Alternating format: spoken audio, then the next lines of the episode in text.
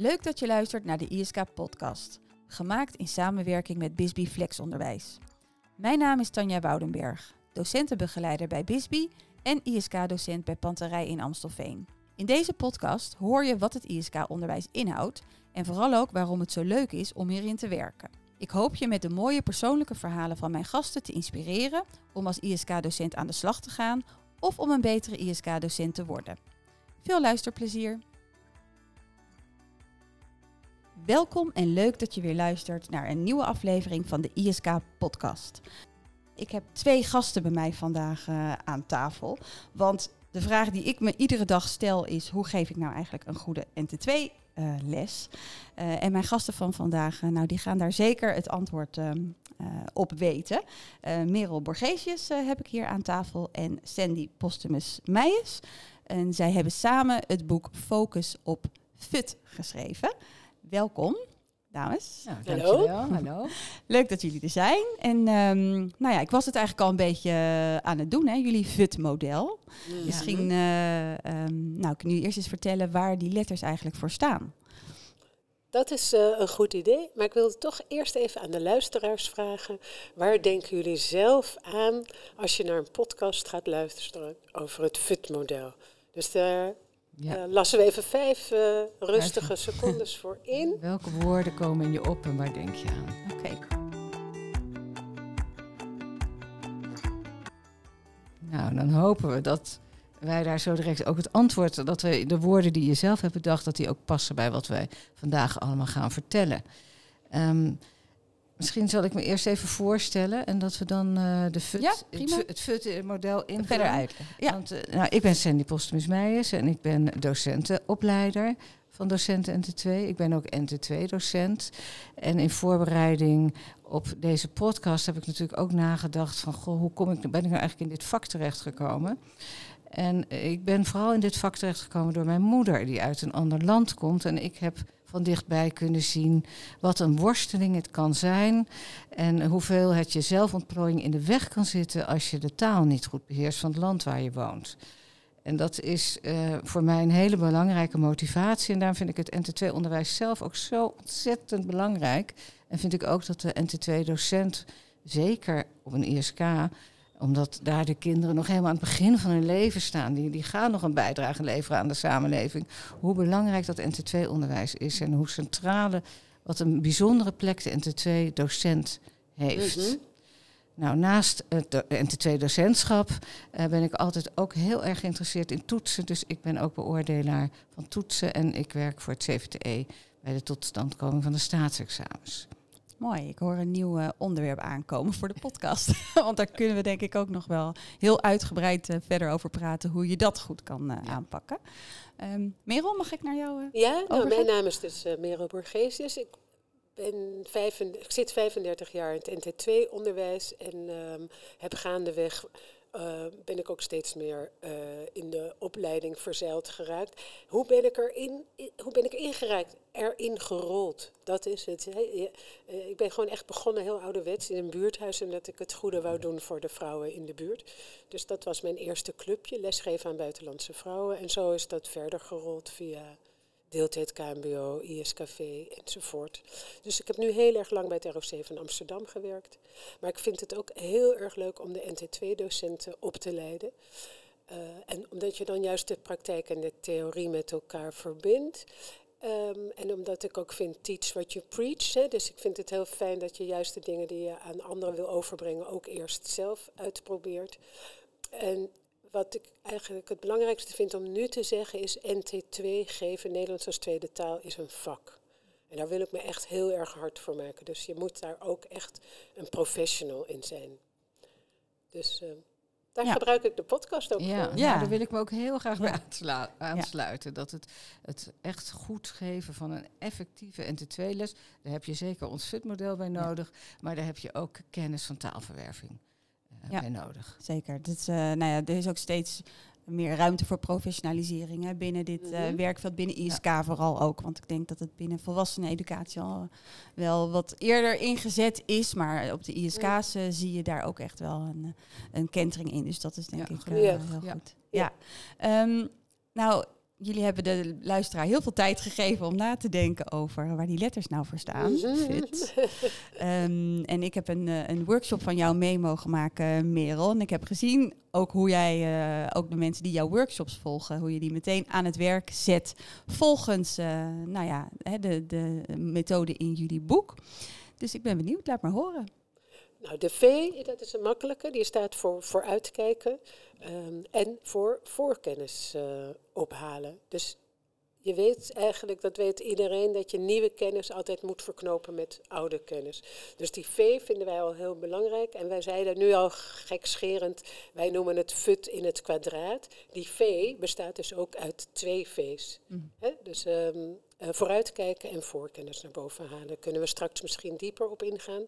De U spreekt voor zich. Hè? Uitvoeren, je doet het. Je doet wat je, hoe je je lesdoel wil halen. Alle opdrachten daarbij. En de T Ja, de T staat voor terugkijken. En ook die T staat eigenlijk in het kwadraat. Want we hebben het over terugkijken van de cursist, van de leerling. Die terugkijkt op het product wat hij heeft geleverd. Of wat heb ik geleerd. Maar ook op het proces. Hoe heb ik het gedaan? Wat was een goede aanpak? Wat was minder goede aanpak? Wat was mijn bijdrage?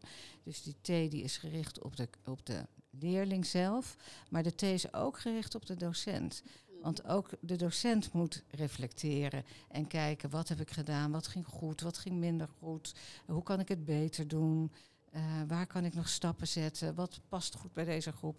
Dus ook die T hebben wij in twee delen uiteengehaald in het boek, zodat zowel de leerling als de docent aan bod komt. Ja, dat is mooi. Er zit ook een reflectieboekje Ja, bij, hè? Zodat aparte, je als docent- reflectieschrift ontwikkeld voor eh, docenten. Ja. Kijk, het is helemaal niet de bedoeling dat iedere docent iedere les dat reflectieschrift gaat zitten invullen. Dat zou het veel te veel zijn. Maar het is wel zinvol om af en toe stil te staan. Maar hé, wat sta ik nou eigenlijk te doen voor die groep? Eh, hoe kan ik het misschien nog op bepaalde... Misschien ben ik al heel goed in iets en wil ik nog beter worden daarin. Of misschien zijn er kanten aan mijn lesgeven die ik wil verbeteren. Nou, wat is dat dan? En daar zou je dat reflectieschrift eh, bij kunnen gebruiken. Ja, en we hebben daar ook vragen bij gemaakt. Dus dat je ook de vraag aan jezelf of in een intervisie aan je collega kunt vragen. Ehm, want wa- eh, wat wij heel veel zien, hè, wij, wij- als opleiders hebben wij dus heel veel gezien, en dat was ook de aanleiding om dit boek te schrijven, is ehm, als dat terugkijken er eenmaal in zit en je haalt allerlei feedback op, wat doe jij er dan mee? Dus ehm, dat, dat Ja. is wel een belangrijk aspect. dan moet je zelf reflecteren om ook te kunnen bepalen hoe ga ik hier dan nu mee verder. Ja. Ja. Wat sloeg aan en wat niet. Want dit, jullie hebben het eh, vooral voor NT2-docenten geschreven. Maar het is eigenlijk gewoon heel... Nou ja, dat is jullie eigen Ja, achtergrond. zeker, zeker. maar het is eigenlijk voor iedere docent... Het is voor iedere eh, docent. Dat schrijven we ook wel in de inleiding natuurlijk. NT2 is ons vak, dus NT de voorbeelden zijn NT2. En er zit ook wel specifieke NT2-didactiek staat er in het boek. Maar het FUT-model is niet een model dat alleen van toepassing is op NT2-onderwijs. Of je nou wiskunde geeft, of gym, of Engels, of eh, handvaardigheid. Het FUT-model is altijd van toepassing op een goede, gestructureerde, effectieve les.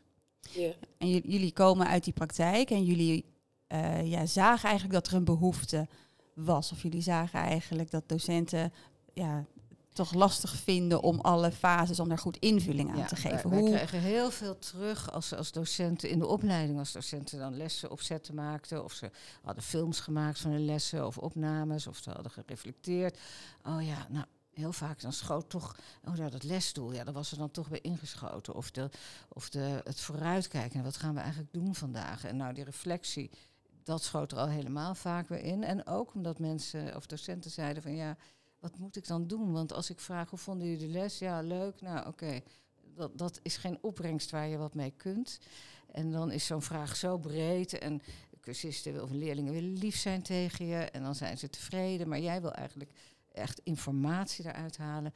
En docenten zeiden vaak dat ze dan toch te weinig handvatten hadden om daar op een goede manier vorm aan te geven. En dat was voor Merel en mij de, de aanleiding om te denken, nou, maar daar kunnen wij wel wat mee. Ja, ja, want Ja. eigenlijk in ieder model, of je het nou hebt over directe instructiemodel, ABCD-model, overal zit het wel in. Dus iedere docent is wel opgeleid eigenlijk om al die fases aan bod te Ja. laten komen in de les. Ja. ja. Ehm, Maar zoals wij, we hebben wat voorbeelden. Ehm, dan zegt iemand bijvoorbeeld, eh, ja, dat lukt niet, want de cursisten hebben, of de leerlingen hebben allemaal hun jas al aan. Ja, dan kan ik niet meer terugkijken. Ja. Of, oh, nee, het is niet gegaan, want ik ben vergeten om de leerdoelen te vertellen. Als ik ze niet heb verteld, kan ik er ook niet op terugkijken. Terwijl dat zijn natuurlijk eigenlijk dingen die niet zouden moeten gebeuren, maar die je ook kunt herstellen bij jezelf. Ja, Dus, hoe, eh, hoe zou je dat dan kunnen doen? Want ik herken dat wel, dat je denkt, oh ja, de, tijd gaat zo snel, de bel gaat al eh, bijna. Ehm, hoe kan je dan toch nog, ja, hoe kan je dus jezelf corrigeren op zo'n moment? Nou, ja, mag ik? Mag Ja. ik? Nou, het heeft ook heel erg te maken met wat je voor je les doet, met de lesvoorbereiding. Kijk, wij als docent ben je natuurlijk altijd heel erg gefocust op de inhoud. Dus die U van, de, van ja, die E van die FUT, die krijgt altijd wel de aandacht. Maar eigenlijk moet je van tevoren al helemaal je bedenken dat die V en die T onderdeel is van je les. Het is niet iets ervoor, iets erna. Nee, het geheel samen is eh, de les. Dus kijk, als jij dat een keer vergeet of je vergeet het een paar keer achter elkaar, ja, dat is jammer. Maar de, de volgende keer kan je het beter doen. Maar het Oh. zit hem vooral in je, in je eh, voorbereiding, denk ik. Daar kan je al heel veel jezelf in disciplineren om te voorkomen dat je het vergeet. En als je het dan toch hebt, als je toch bent vergeten, kan je natuurlijk toch in de les altijd wel op iets terugkomen. Want ook al heb je niet het lesdoel verteld, kan je misschien wel op het proces terugkijken.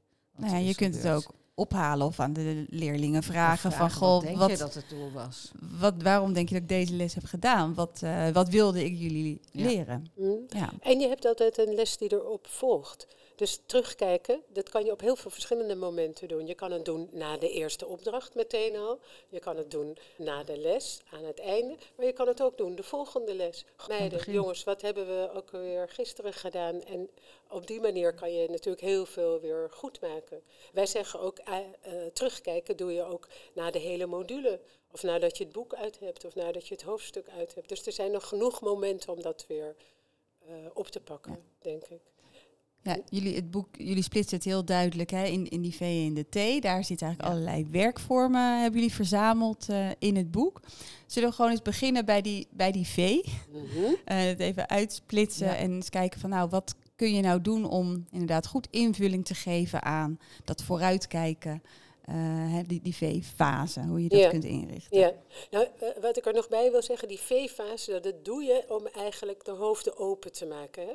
Dus eh, je moet steeds iets bedenken waardoor je dus niet alleen maar saai zeggen, dit is het programma en dit is het doel. Niet dat je dat niet moet doen, maar je moet ze wakker maken. De hersens moeten open gaan. Dus dat is eigenlijk het eerste. Hoe, op welke manier kan ik dat met deze groep doen? Nou, de, he- he- ontzettend makkelijk, en die doet denk ik iedereen, is een woordweb maken. Dus dat hele associatieve. Dus eh, je schrij- schrijft het woord op het bord. Of ik werk veel met alfa's, dus dat willen we er nog echt bij Ja. zetten. Dat we echt ook op zoek zijn naar ehm, werkvormen die je met eh, mensen kunt doen die niet goed kunnen lezen en schrijven.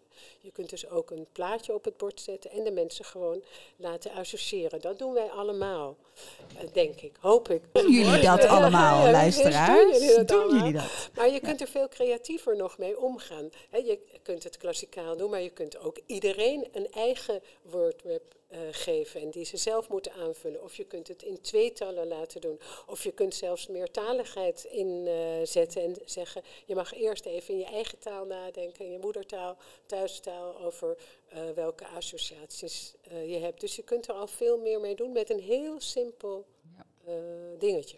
En het kost ook weinig tijd, hè? dat dat heb ik ook gemerkt. tijd. Want het voordeel natuurlijk is, ja, sorry, ik val je in de reden. maar geef niet, ga je Maar- gang. Het voordeel van zo'n woordweb is dat jij als docent dan ook heel goed ziet wat, wat weten ze al. Er zitten twee kanten aan. Je beloont de inbreng van jouw leerlingen. Want ze roepen dingen, ze weten dingen, ze hebben dingen geleerd. En kijk, jij schrijft dat op het bord. Als dat, dat is een beloning van wat ze al weten. Maar jij ziet tegelijkertijd wat, ook wat ze niet weten. Dus het geeft jou ook heel veel informatie. En dat eh, aan het begin van de les is dat heel zinvol. Want dan weet jij ook van, je wil je lessen natuurlijk aansluiten zo goed mogelijk op die groep die voor je zit. Niet te makkelijk en ook niet te moeilijk. Nou, daar helpt zo'n woordweb enorm bij. En wat Merel net zei, die manieren om zo'n woordweb te doen, uit te voeren zijn eindeloos. Ook wisbordjes. Ja, ik ben altijd de kampioen van wisbordjes. En ik, ik hoop dat de meeste mensen weten wat het is. En als je het niet weet, een klein A5 eh, geplastificeerd stukje papier waar mensen met een whiteboardstift op kunnen schrijven. Het voordeel van een wisbordje is dat de hele klas meedoet. Als Iedereen actief. Ja, als je doet, uh, roept u maar. Dan is het de snelle denker, de, degene die het al weet, die vaak dan de woorden roept. En de stille, of die het niet durft, die houdt dan misschien zijn mond. Als je met wisbordjes werkt en zegt, nou schrijf maar het eerste woord op waar je aan denkt en hou het omhoog. Dan moet iedereen meedoen. Dus dan activeer je direct iedere leerling uit jouw klas. Dat is denk ik wat heel duidelijk terugkomt in al die werkvormen. Hè? Dat je echt alle leerlingen activeert. Ja. Nou, ik ben daar zelf ook heel erg mee gaan spelen, want ik gebruik uh, jullie boek uh, veelvuldig. En nou ja, de ideeën zijn heel praktisch, direct uitvoerbaar. Het kost weinig tijd. Jullie hebben werkbladen erbij die je kunt gebruiken. Dus het is heel mhm. praktisch. Dus daar worden denk ik heel veel docenten blij van.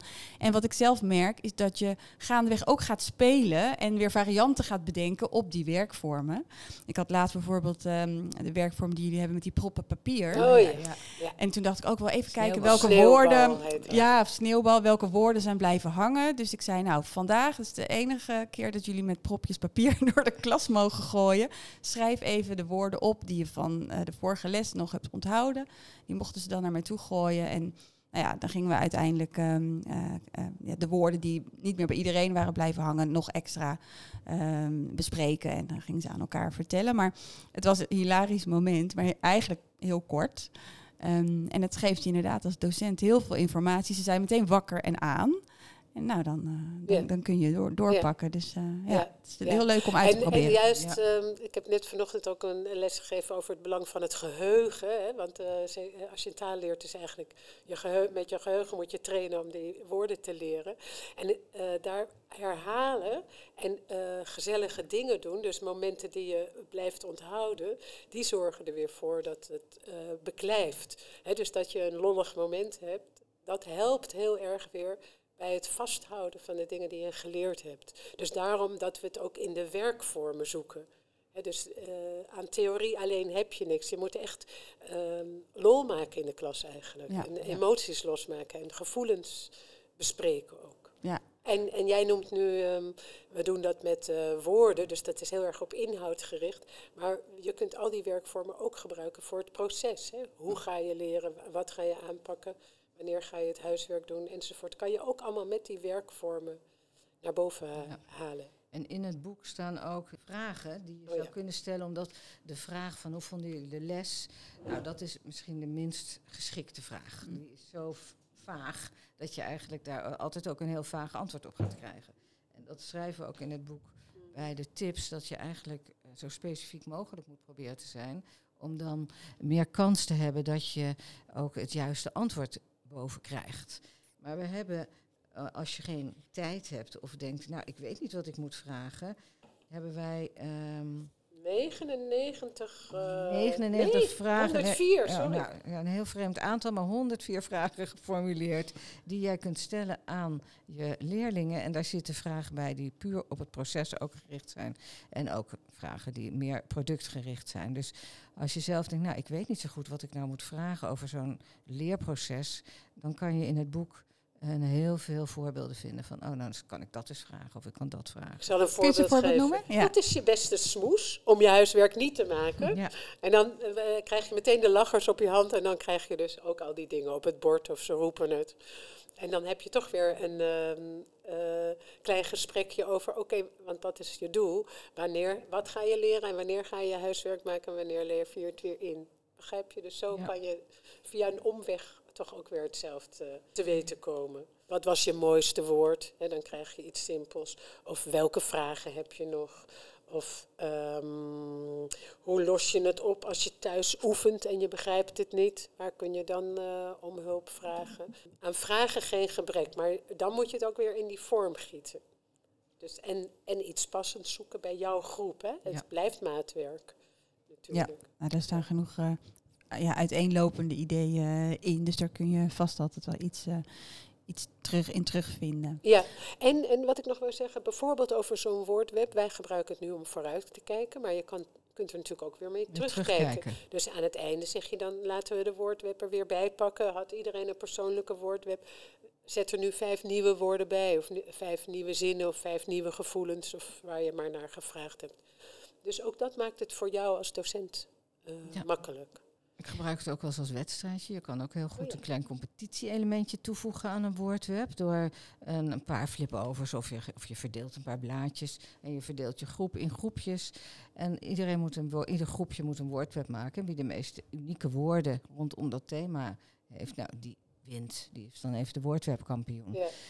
Dat, het gaat natuurlijk niet om het winnen of het verliezen, maar het gaat wel om het stimuleren en het enthousiast maken. Ja. En dat werkt vaak op zo'n manier makkelijk. want dit is de woordweb, maar je kunt ook je hand nemen hè, en die overtrekken en voor elke vinger een specifieke vraag stellen. En die heb, iedereen heeft een hand.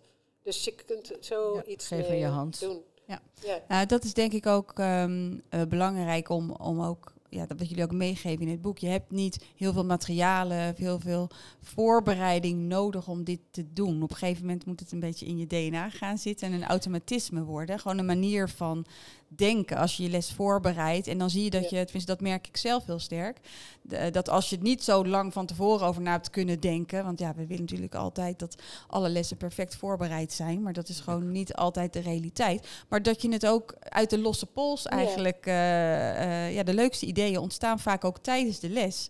En hoe meer werkvormen je hebt uitgeprobeerd, ja, hoe makkelijker uh, je die uit het, uit het rugzakje kan vissen of de varianten op kan bedenken. En het ontstaat vaak ook tijdens. En het omgekeerde gebeurt ook, is mijn ervaring, dat als jij het uh, in het begin niet iedere leerling begrijpt goed. Het idee achter een reflectie bijvoorbeeld.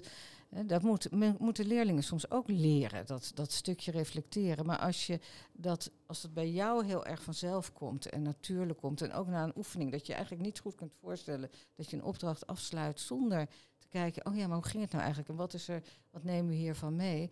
Dat ook zij zelf dan soms met dingen aan jou weer terug gaan geven hoe het ging. Of wat ze ervan geleerd hebben, zonder dat je het hebt gevraagd. Maar omdat zij ook helemaal met jou mee zijn gegroeid in dat, die manier van leren.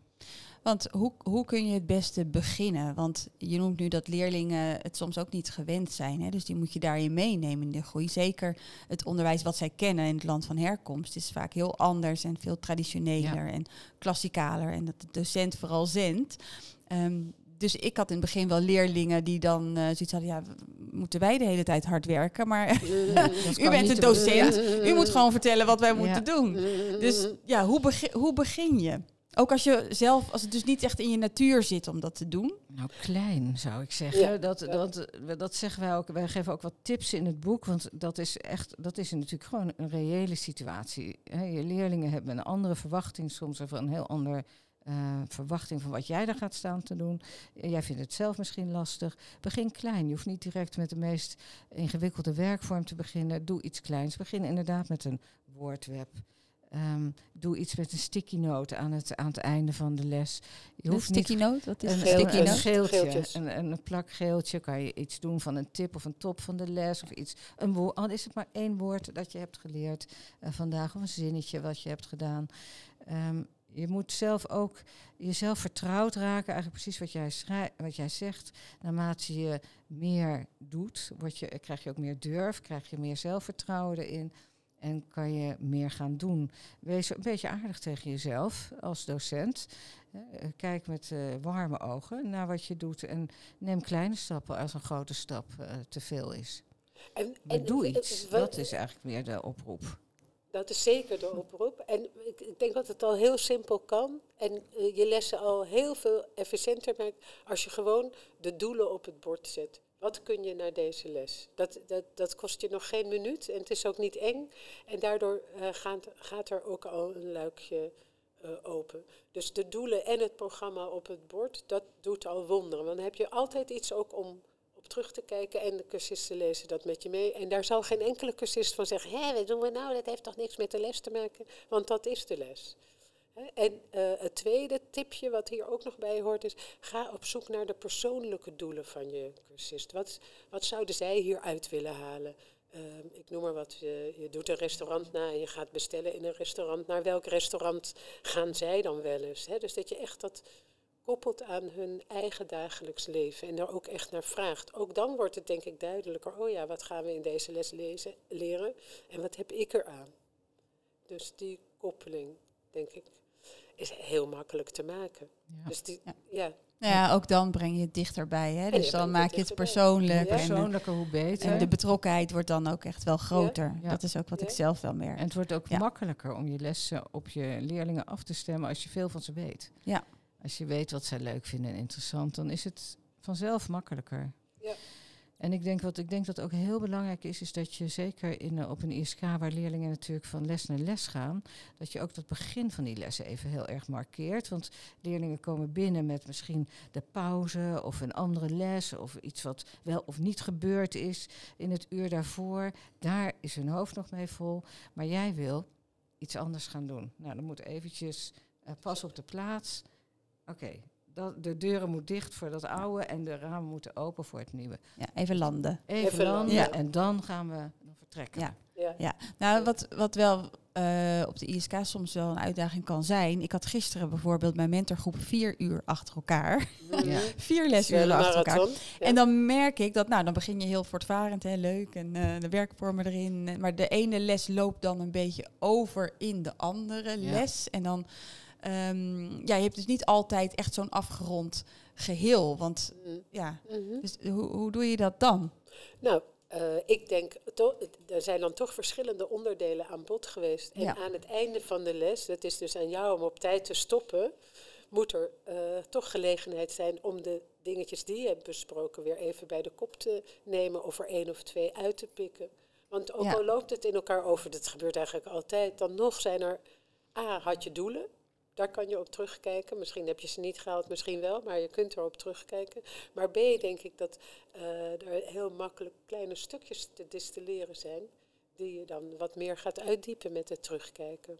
Ja, ik had eh, met het terugkijken heb ik de, mm, eh, dat dartbord gebruikt. Oh, of hoe, eh, hè, met het dartbord met de pijlen. Dus om even een beetje visueel te maken. In het midden zit dan een cirkel waar je dan bijvoorbeeld, dat had ik dan gedaan, het doel in hebt opgeschreven. En dan Mhm. zitten daar allemaal cirkels omheen. Mhm. En dan is de vraag van oké, dit was het doel. Hoe ver ben jij van dat Mhm. doel verwijderd? Zit je aan de buitenste ring of zit je al in de ring vlak om het doel heen? Dus dat gingen ze dan op post-its gingen ze dat dan opschrijven. En vervolgens gingen ze hun post-it in de juiste ring plakken. En gingen we daar dan nog even over in gesprek. Ja, dat vond ik zo leuk. En die leerlingen, ja, die vonden het ook heel fijn om zo inzichtelijk te hebben van ja, waar sta ik nu? Mhm. eigenlijk. En dit ging dan om een vrij groot doel, want we hebben net een toetsperiode achter de rug en ze stromen uit aan het einde van het jaar. Hè. Dus oké, jij wil naar HAVO-VWO. Nou ja, waar sta je dan nu en wat heb je dan nog eh, de komende, Mhm. wat heb je al gedaan om dit doel te bereiken en wat Mhm. heb je nog te doen in de komende maanden? Dus ik zag echt zo'n soort aha. Erlevenis Ja. zo van, oh ja, oké, dus ik ben al best wel ver. Of, oh, ik heb nog best wel veel werk te doen. Eh, dus het is een hele Ja. mooie manier om, eh, ja, Ja. om terug te blikken en om te kijken of de doelen wel of niet behaald zijn. En dat vind ik ook wel mooi aan, aan het boek, dat, het, ehm, dat je veel meer gericht bent ook op resultaatgericht werken. En, ja, het wordt en er ook, efficiënter van. het wordt veel efficiënter. Toetsen Ja. van waar sta je, welk doel is wel behaald, welk doel Ja. niet, waar moet je nog aandacht aan besteden. Eh, waardoor het allemaal veel meer samenhang krijgt.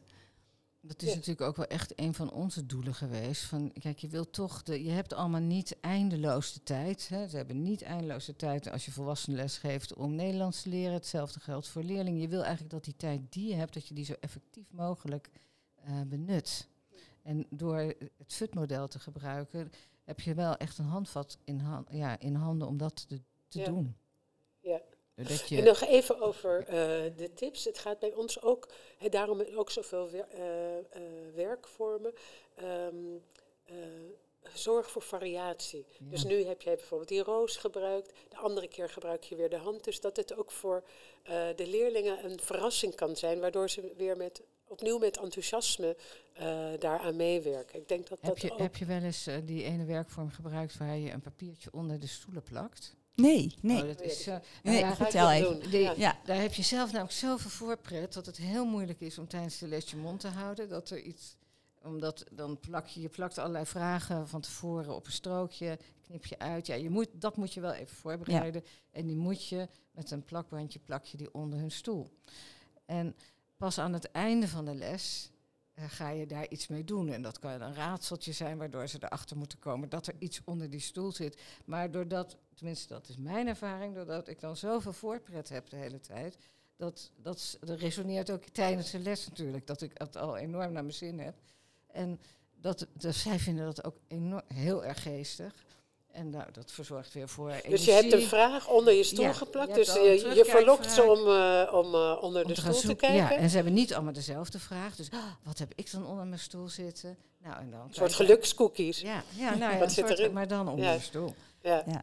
Ja, je wakkert het enthousiasme dus ook bij jezelf heel erg aan. Ja. Dus niet Ja. alleen bij de leerlingen, maar ook bij jezelf. En je ziet ook dat, ehm, nou ja, dat het er leuker van wordt. Want Ja, je wil zeker. zelf ook niet elke dag dezelfde soort lessen afdraaien. Daar wordt toch niemand blij van? Nee. Nee. Leerlingen niet, maar Nee. jij zelf ook niet. Dus, dus ja, dat is een hele positieve vibe waar je Ja. dan in Ja. komt. Ja. Ja. Nou, wat- wat, wij zeggen is, eh, om die variatie te bereiken, heb je zelf heel veel enthousiasme nodig. Dus eh, jij, jij moet een werkvorm kiezen waar jij enthousiast over bent. Hè, want anders Ja. dan valt het eigenlijk vaak in het water. Ehm, je wil natuurlijk ook dat er een goede leerhouding is. Dus oh, het, het is niet alleen maar een pretmaker. Dus je wil ook, hup, tassen van tafel, jassen uit. Je wil ze in de leermodus zetten. Dat hoort er ook bij. En ehm, wat wij heel veel zien is concrete materialen en voordoen en nadoen, dat helpt. Dus vragen op een briefje schrijven is prima, maar ook, hè, er is ook zo'n werkvorm dat we iedereen een ehm, object geven. En dan moeten zij met elkaar bedenken, hé, hey, als we al die objecten bij elkaar zien, Waar gaat het dan over? waar gaat het dan over? Dus, Ja, dus heel erg denkstimulerende ja, vragen. denkstimulerende stellen. vragen, maar dus Ja. ook het tactiel maken in dit geval. Dus dat mensen echt dingen kunnen aanraken. En dat werkt weer heel goed bij alfa-leerders Ja. bijvoorbeeld. Hè. Dus het hoeft niet allemaal met eh, tekst. Nee, juist die variatie daarin. Ja, En als je nou, wat zou, is nou een werkvorm die je heel goed kunt inzetten als je weinig voorbereidingstijd hebt of eh, weinig tijd hebt om materialen zeg maar eh, klaar te leggen? Want ik heb heel vaak, eh, ja, gisteren had ik dus vier lessen achter elkaar met dezelfde groep, maar in vier verschillende lokalen. Dus je bent continu met je tassen, met je spullen, huppakee, laptop Mm. in, pluggen. Ehm, ja, dat maakt het soms wel eens lastig. En dan probeer je dat zo goed mogelijk te doen met mapjes. En, eh, hè, maar dan nog is dat wel een uitdaging, eh, voor, tenminste voor mij. Mhm, mhm. Nou ja, zeker. Kijk, als je een PowerPoint gebruikt, want dan gebruik je een PowerPoint, dan zou je natuurlijk heel mooi zo'n verrassingsplaat waar je vakjes overheen hebt dat ze moeten raden waar gaat deze les over aan de hand van een foto of iets met foto's zou je dan natuurlijk heel makkelijk van tevoren kunnen klaarzetten of een filmpje. Dat zijn allemaal manieren. Daar heb je niet veel spullen voor nodig. Dat, dat moet je in de voorbereiding doen. Maar dan kan je het zo inzetten. Maar denk ook aan Online eh, doe een ik veel, ja. dobbelsteen. Kijk, Ja. als je dat... eh, nu lijkt het alsof we reclame maken voor dat boek, maar dat... Het lijkt is- hè? dat is zo. maar dat is misschien stiekem ook wel een beetje Nee, zo. maar omdat, wat ik al zei, die 104 vragen. Als je die vragen altijd bij je hebt, dan kun je natuurlijk op allerlei manieren eh, die vragen gaan stellen.